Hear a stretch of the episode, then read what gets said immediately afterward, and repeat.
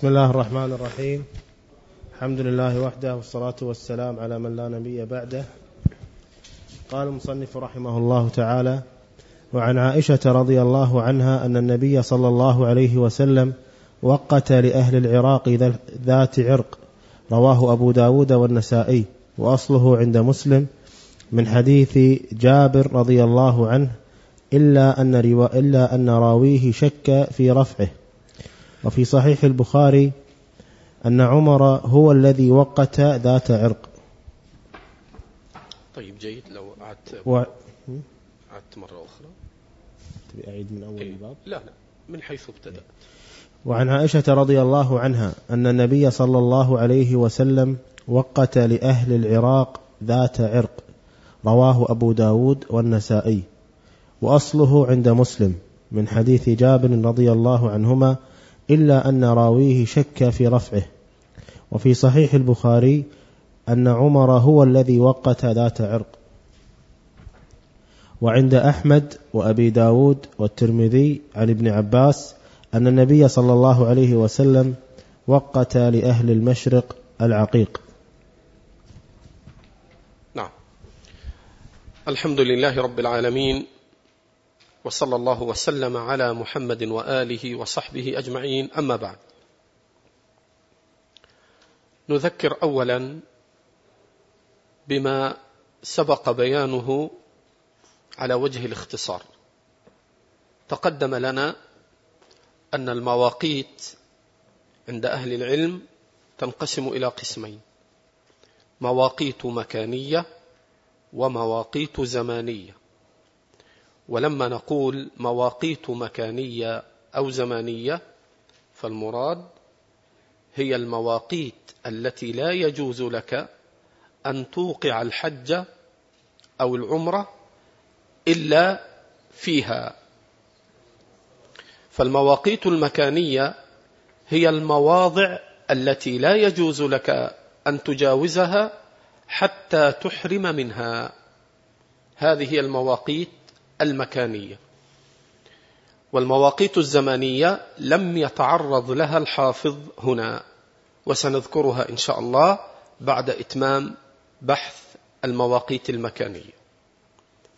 والمواقيت الزمانية هي التي أشار إليها الله جل وعلا بقوله الحج أشهر معلومات فمن فرض فيهن الحج فلا رفث ولا فسوق ولا جدال في الحج.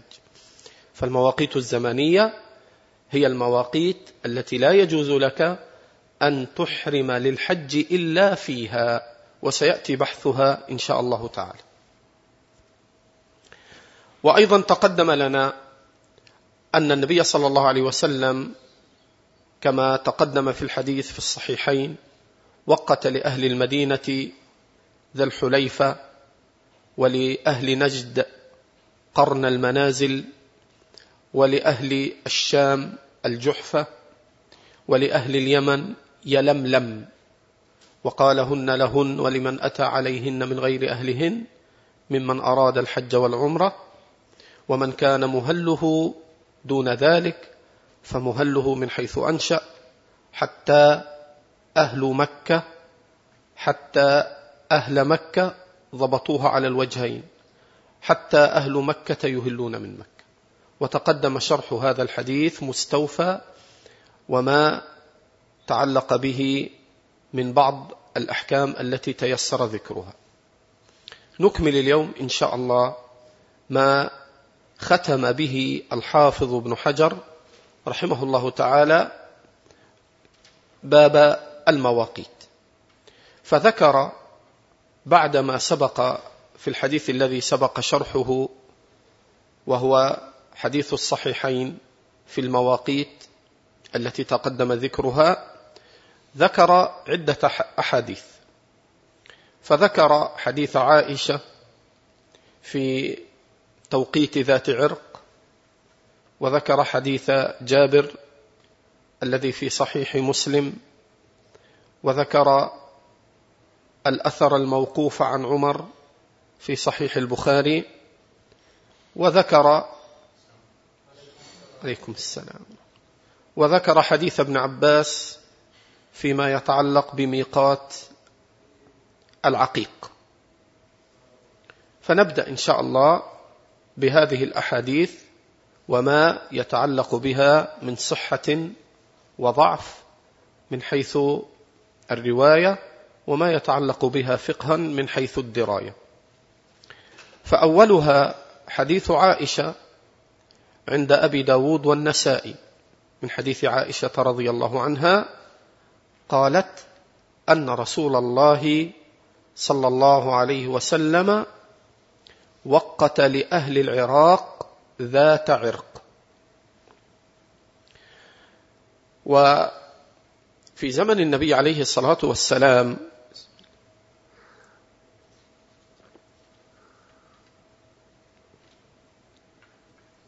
لم تكن العراق قد فتحت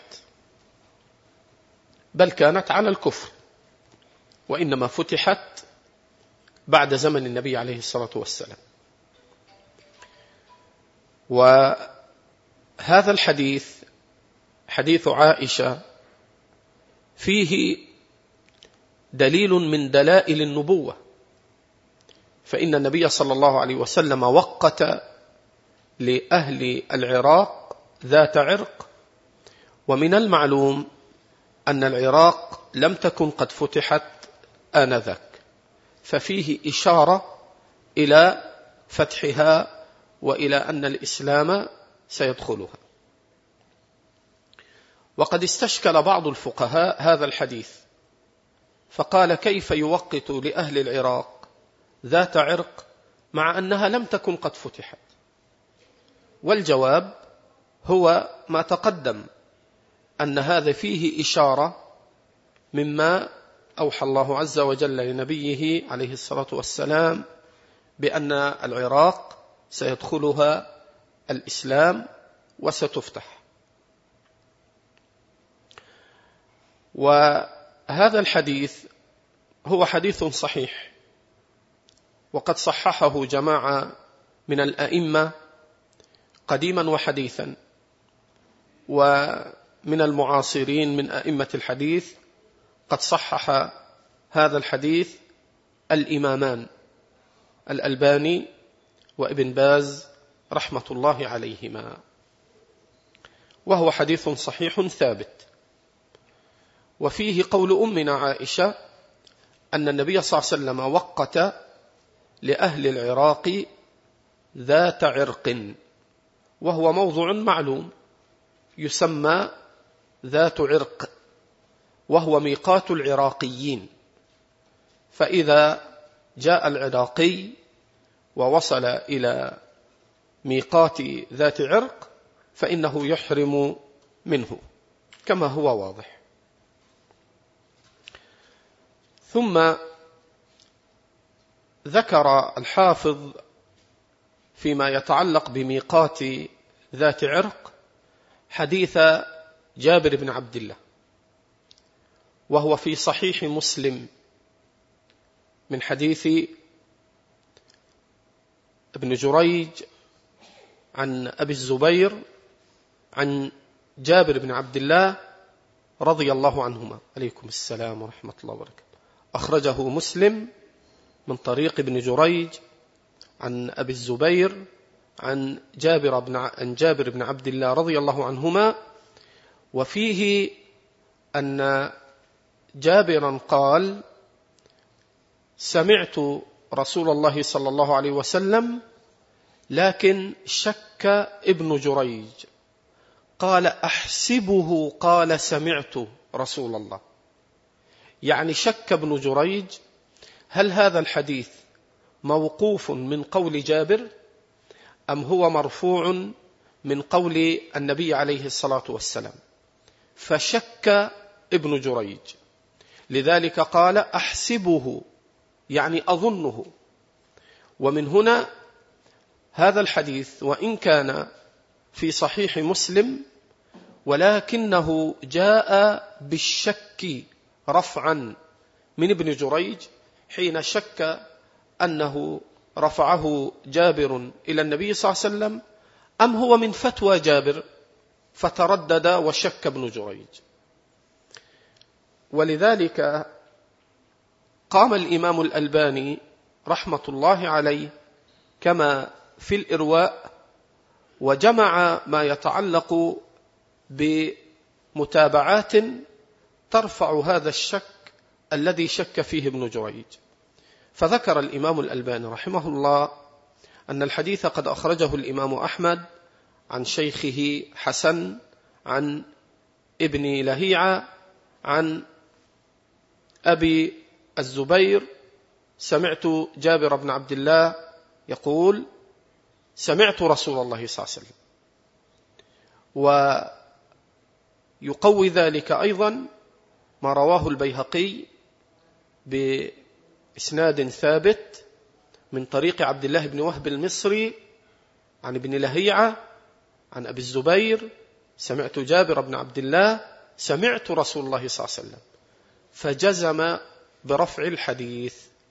قال الإمام الألباني فصح الحديث والحمد لله. فهذا يدل على أن الحديث قد صح مجزوما به إلى النبي صلى الله عليه وسلم كما يرويه ابن لهيعة وعنه ابن وهب أخرجه من طريقه البيهقي في السنن. ومن المعلوم عند المحدثين أن ابن لهيعة رحمه الله وإن كان اختلط واحترقت كتبه وتغير بأخر فإنه من المعلوم عند النقاد أن عبد الله بن وهب المصري روى عن ابن لهيعة قبل الاختلاط. وكذلك العبادلة عبد الله بن يزيد المقرئ وعبد الله ابن المبارك. فقدماء أصحاب ابن لهيعة من هذه الطبقة أحاديثهم صحاح عن ابن لهيعة كما قال الإمام أحمد لقتيبة ابن سعيد أحاديثك عن ابن لهيعة صحح المقصود أنه قد صح الحديث ولا يضره ما شك فيه ابن جريج في صحيح مسلم. وهو يقوي ويتقوى أيضا بحديث عائشة الذي أخرجه أبو داود والنسائي وفيه أن النبي عليه الصلاة والسلام وقت لأهل العراق ذات عرق. ومن الموافقات التي يسرها الله عز وجل لعمر بن الخطاب رضي الله عنه أنه وقت أيضا لأهل العراق ذات عرق اجتهادا منه فوافق اجتهاده أمر النبي عليه الصلاة والسلام. فقد أخرج الإمام البخاري في صحيحه من طريق نافع عن ابن عمر رضي الله عنهما قال لما فتح هذان المصران يقصد الكوفة والبصر. لما فتح هذان المصران جاء أناس إلى عمر رضي الله عنه فقالوا إن رسول الله صلى الله عليه وسلم قد وقت لأهل نجد قرن المنازل وإنها جور عن طريقنا أي أننا لا نقدر ويشق علينا كما قال وإنه يشق علينا أن نأتيها. جور عن طريقنا أي أن قرن المنازل بالنسبة للعراقيين بعيد وهم ليس في طريقهم ميقات إلا أن يسلكوا قرن المنازل وهو جور أي بعيد ومائل عن طريقنا. فقال عمر انظروا حذوها من طريقكم. فوقت لهم ذات عرق. قال وعليكم السلام ورحمة الله وبركاته. انظروا حذوها من طريقكم. فوقت لهم ذات عرق. والمراد من هذا أن عمر رضي الله عنه راعى مشق المشقة عليهم فقال انظروا أقرب موضع يحاذي قرن المنازل. يحاذيه من الجهة المقابلة له فتحرمون منه. فهذا فعله عمر رضي الله عنه اجتهادا فوافق اجتهاده أمر النبي عليه الصلاة والسلام كما يقول الشيخ العلامة ابن باز رحمة الله عليه. وهذا الذي اجتهد فيه عمر رضي الله عنه أخذ منه الفقهاء فائدة سبق الإشارة إليها. وهي أن كل بلد ليس في طريقهم ميقات إلى مكة وهم خلف المواقيت فإنهم يحرمون من أقرب محاذاة ميقات لهم. لأننا ذكرنا في أول الكلام أن القادمين لبيت الله عز وجل للحج من ناحية المواقيت قسمان. القسم الأول هم من يجد ميقاتا على طريقه فيحرم من الميقات. القسم الثاني هم الذين خلف المواقيت لكن ليس لهم ميقات ولا يجدون ميقاتا في طريقهم حين يسلكون مكة. فهؤلاء الذين لا يجدون ميقاتا فميقاتهم عند الفقهاء هو أقرب موضع يحاذون فيه أقرب ميقات لهم. كما فعل عمر رضي الله عنه مع أهل العراق. فهو وإن كان قد بين النبي صلى الله عليه وسلم أن ذات عرق هي ميقات أهل العراق ولكن اجتهاد عمر مع إقرار الصحابة رضي الله عنهم وعدم الاستنكار له دليل على أنه يصح مسألة محاذاة المواقيت التي نص عليها الفقهاء. فهذا ما يتعلق بميقات أهل العراق. ثم ختم الحافظ ابن حجر آخر هذه الأحاديث ختم بحديث ابن عباس وهو أن النبي صلى الله عليه وسلم وقت لأهل العراق العقيق. هكذا أحمد؟ لأهل المشرق. أهل المشرق هم أهل العراق. ولذلك آه، المراد بأهل المشرق هم أهل العراق لأن العراق تقع شرق المدينة. فإذا أطلق أهل المشرق فهم أهل العراق ومن كان على سمتهم لأنها تقع على شرق المدينة. قال وقت لأهل المشرق العقيق. اولا أهل المشرق هم أهل العراق ومن كان على سمتهم. ثانيا أن العقيق موضع هو مختلف عن ذات عرق. ومن هنا استشكل جماعة من المحدثين والفقهاء استشكلوا هذا الحديث. لماذا؟ لأن النبي صلى الله عليه وسلم صح عنه كما تقدم من حديث عائشة ومن حديث جابر أن النبي وقت لأهل العراق ذات عرق. وهذا فيه أنه وقت لهم العقيق. ولذا نحى جماعة من الأئمة والفقهاء قديما وحديثا إلى تضعيف هذا الحديث. وقد ضعفه الشيخان.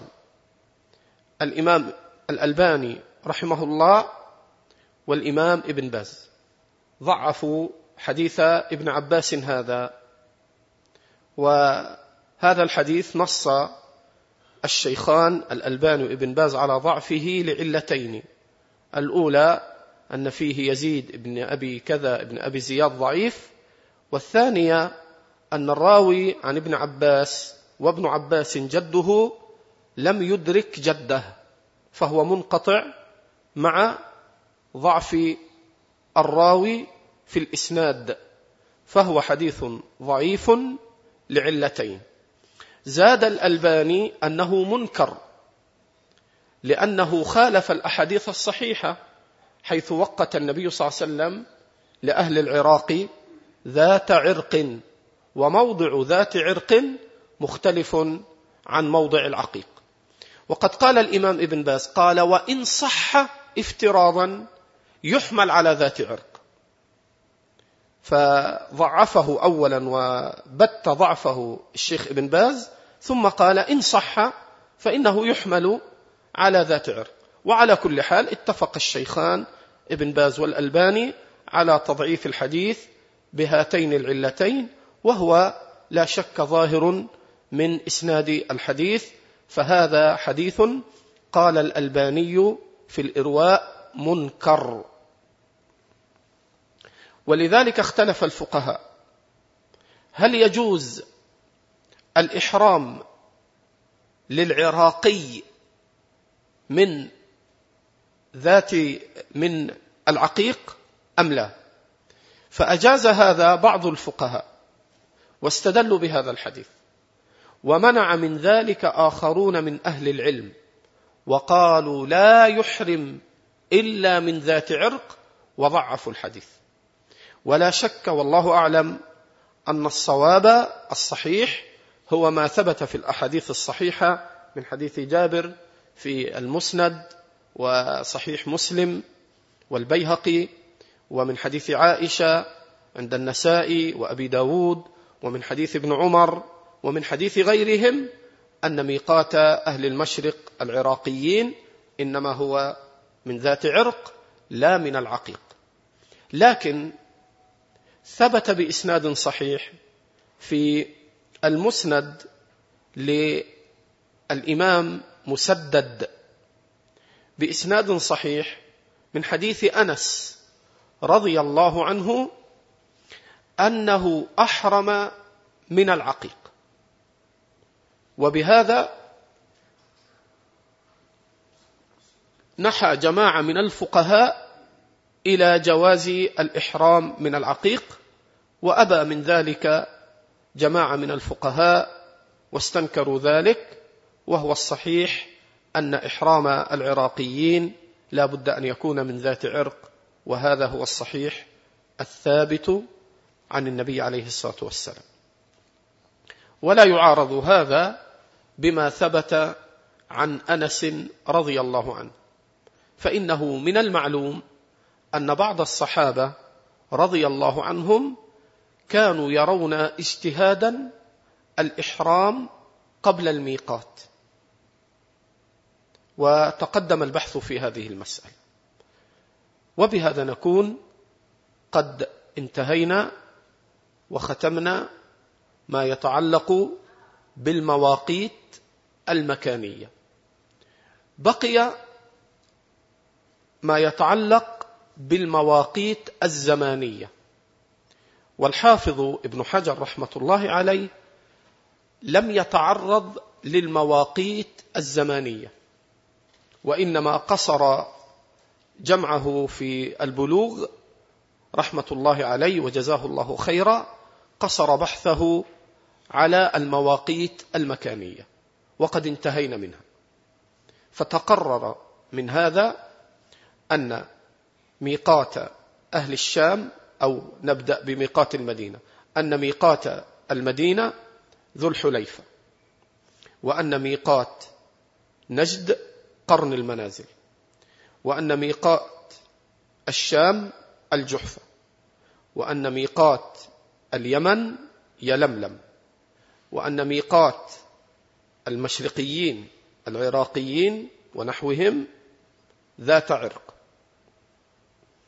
وأن ميقات من كان خلف المواقيت ثم لم يجد ميقاتا في طريقه أن ميقاته هو أقرب موضع يحاذي أقرب ميقات له.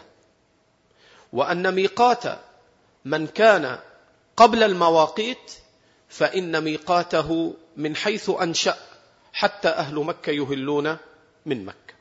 وبهذا نكون انتهينا من المواقيت المكانية. آه، هنا في فائدة بالنسبة للمصريين. قد أخرج النسائي آه، وصححه الألباني والحافظ ابن حجر عند النسائي قال وقت النبي صلى الله عليه وسلم لأهل الشام ومصر الجحفة. فهذا الحديث فيه التنصيص على ميقات المصريين وهو عند النسائي وهو حديث صحيح صححه الإمام الألباني رحمة الله عليه وغيره ففيه التنصيص أن ميقات المصريين مع الشاميين هو الجحفة قلت بقي معنا أمران الأول المواقيت الزمانية.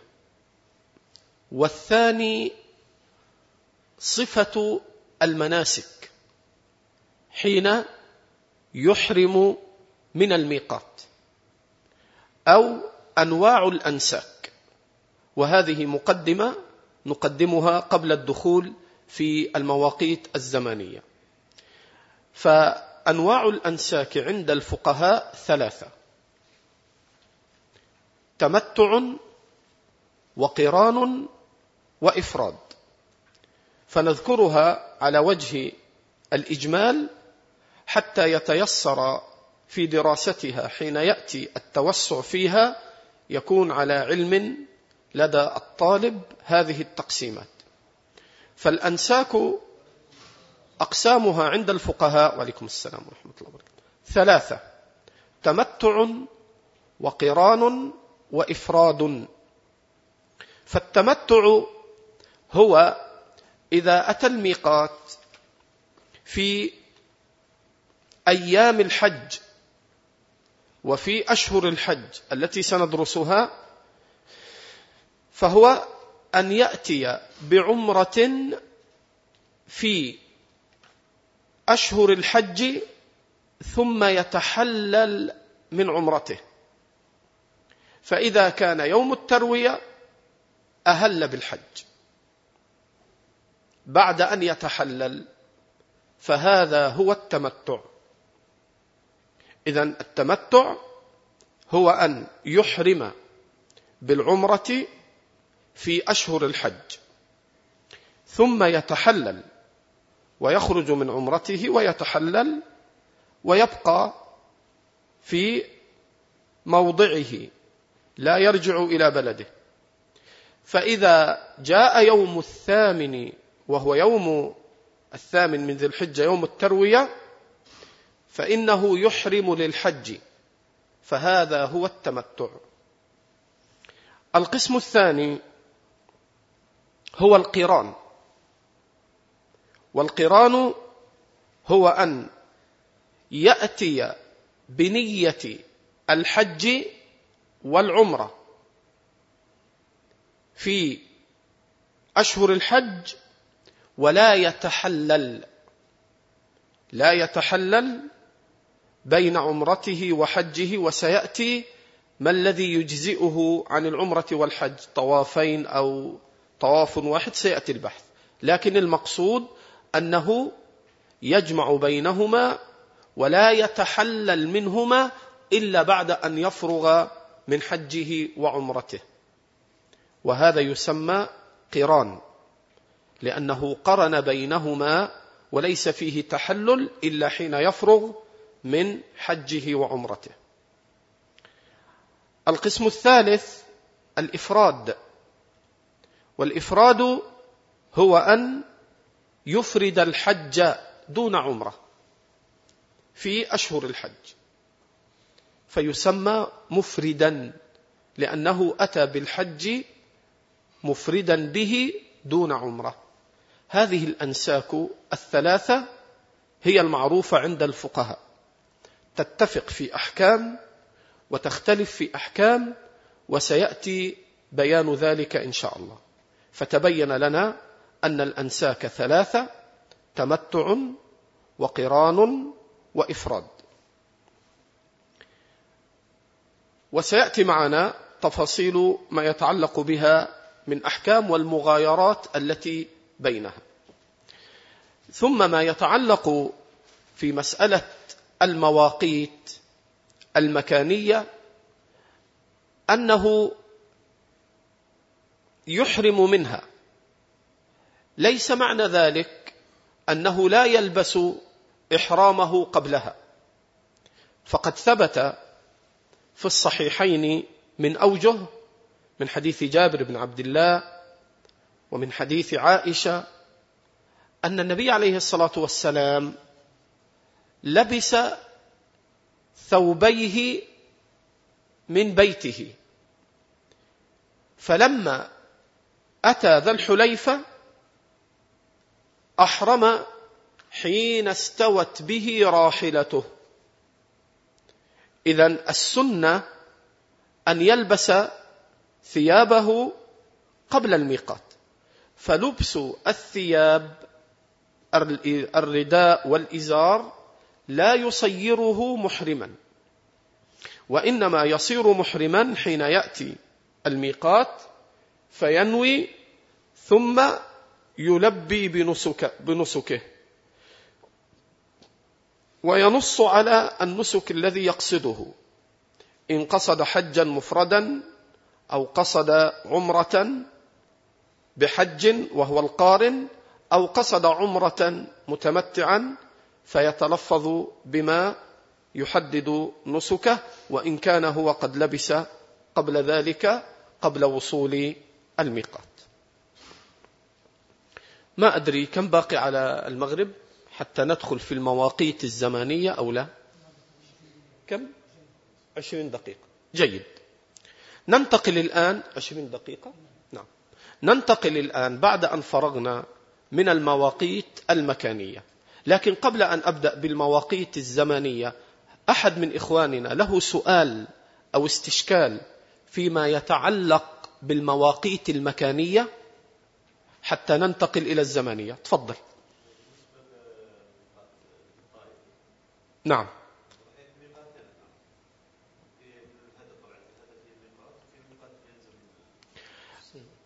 أبواب المواقيت كما ينص أهل العلم على ضربين. إما مواقيت محددة حددها النبي عليه الصلاة والسلام كما سبق معنا وإما مواقيت المحاذاة. مواقيت المحاذاة وهي أنك إذا سلكت طريقا وهذا الطريق يحاذي الميقات فإنك عند محاذاته تكون محرما من هذا الميقات الذي يحاذيه إذا فينظر حينئذ إذا كان الفقهاء في ذاك الموضع ينصون على أن هذه مواقيت إما أن تكون مواقيت مسماة بالشرع وإما أن تكون مواقيت عن طريق المحاذاة بحيث أنه إذا حاذ الميقات. مثل ما فعل عمر رضي الله عنه مع أهل العراق حين قال انظروا سمتها. كذلك سبق البيان أن الذي يكون في الطائرة فإنه يحرم, يحرم حين يحاذي ويغلب على ظنه الميقات. أما بخصوص ما ذكرت من هذين الميقاتين فما ما عندي بهما علم على سبيل الاسمين اللي ذكرتهم الآن. واحد أي معروف. نسمع عن هذول. لكن ما عندي تفاصيل أسمائهم يعني ما أضبطهم. إيه. طيب حد له سؤال آخر في المواقيت المكانية ولا نبدأ في الزمانية؟ طيب ننتقل الآن إلى المواقيت الزمانية. المواقيت الزمانية الأصل فيها قول الله عز وجل الحج أشهر معلومات فمن فرض فيهن الحج فلا رفث ولا فسوق ولا جدال في الحج. وهذه الآية فيها بيان ما يتعلق بالمواقيت الزمانية. إحنا قلنا المواقيت المكانية هي المواضع التي لا يجوز لك أن تحرم إلا منها. المواقيت الزمانية هو الوقت الذي لا يجوز لك أن توقع الحج إلا فيه.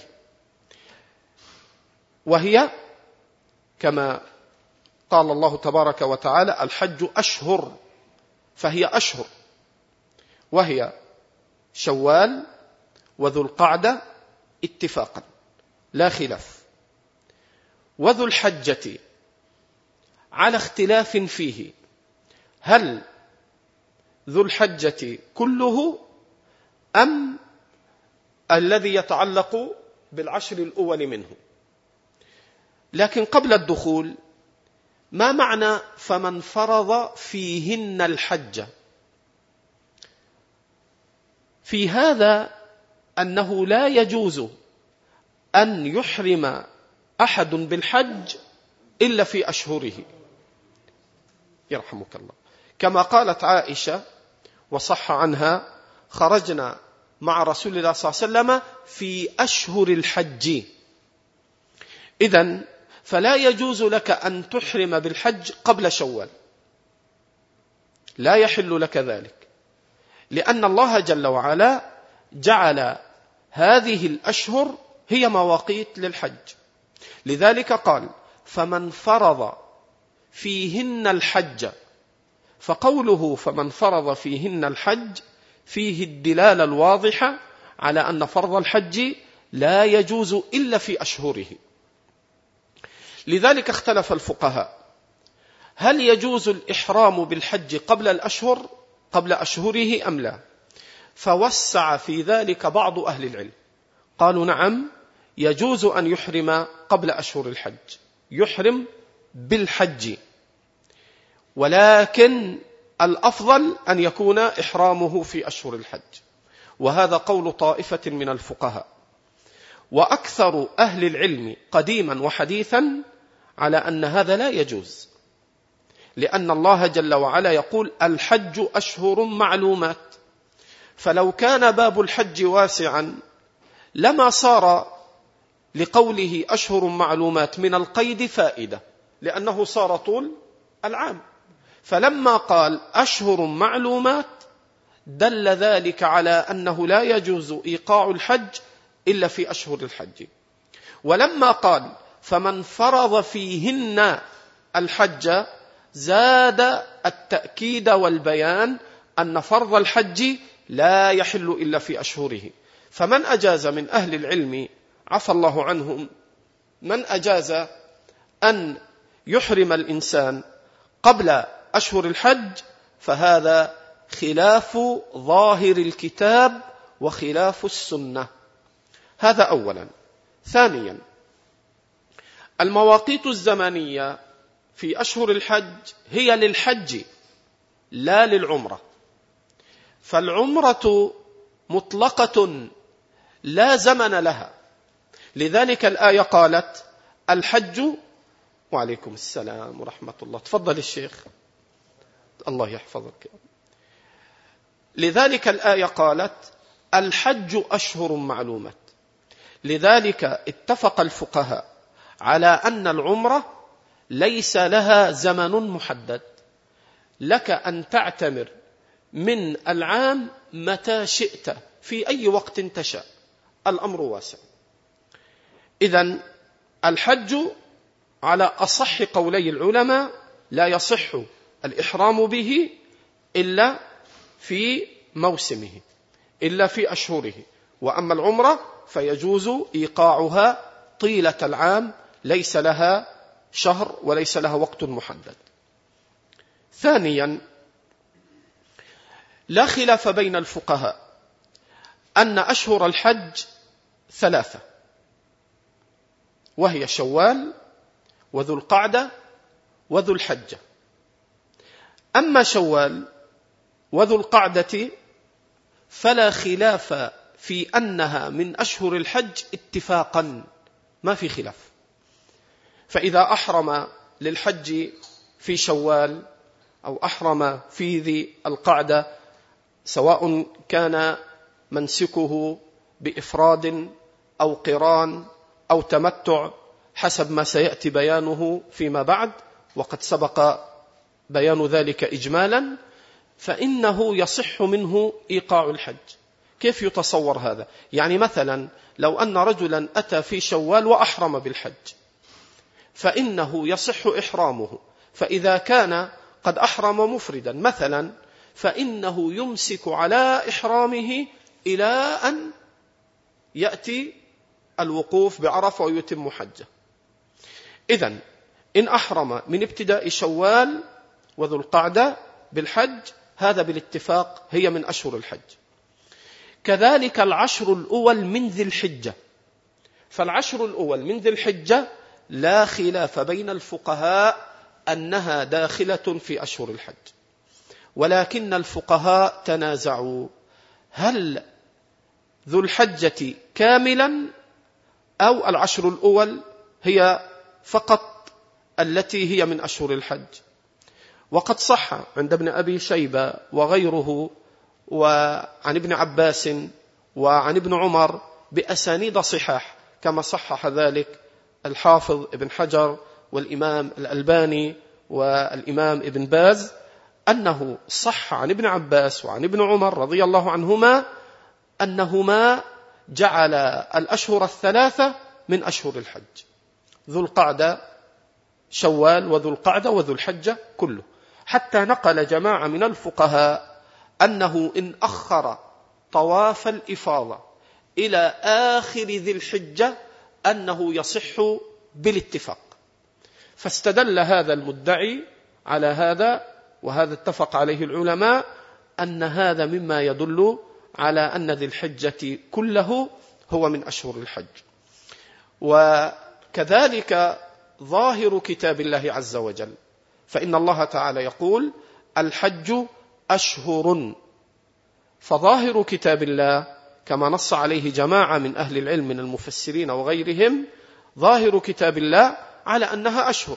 وإلا إذا كان شهرين ونصف أو شهرين وعشر فإنه قد يطلق هذا تجوزا ولكنه ليس هو الظاهر. لذلك ذهب ابن عمر وذهب جلة أصحاب النبي صلى الله عليه وسلم إلى أن أشهر الحج هي شوال وذو القعدة وذو الحجة. وعليه فلا يصح له أن يحرم بالحج إلا في هذه الأشهر. فإن أحرم قبلها كما تقدم ففيه نزاع. والصحيح أن إحرامه قبلها يقع باطل باطلا لغوا لا اعتبار فيه. فهذا ما يتعلق بمواقيت الحج المكانية والزمانية.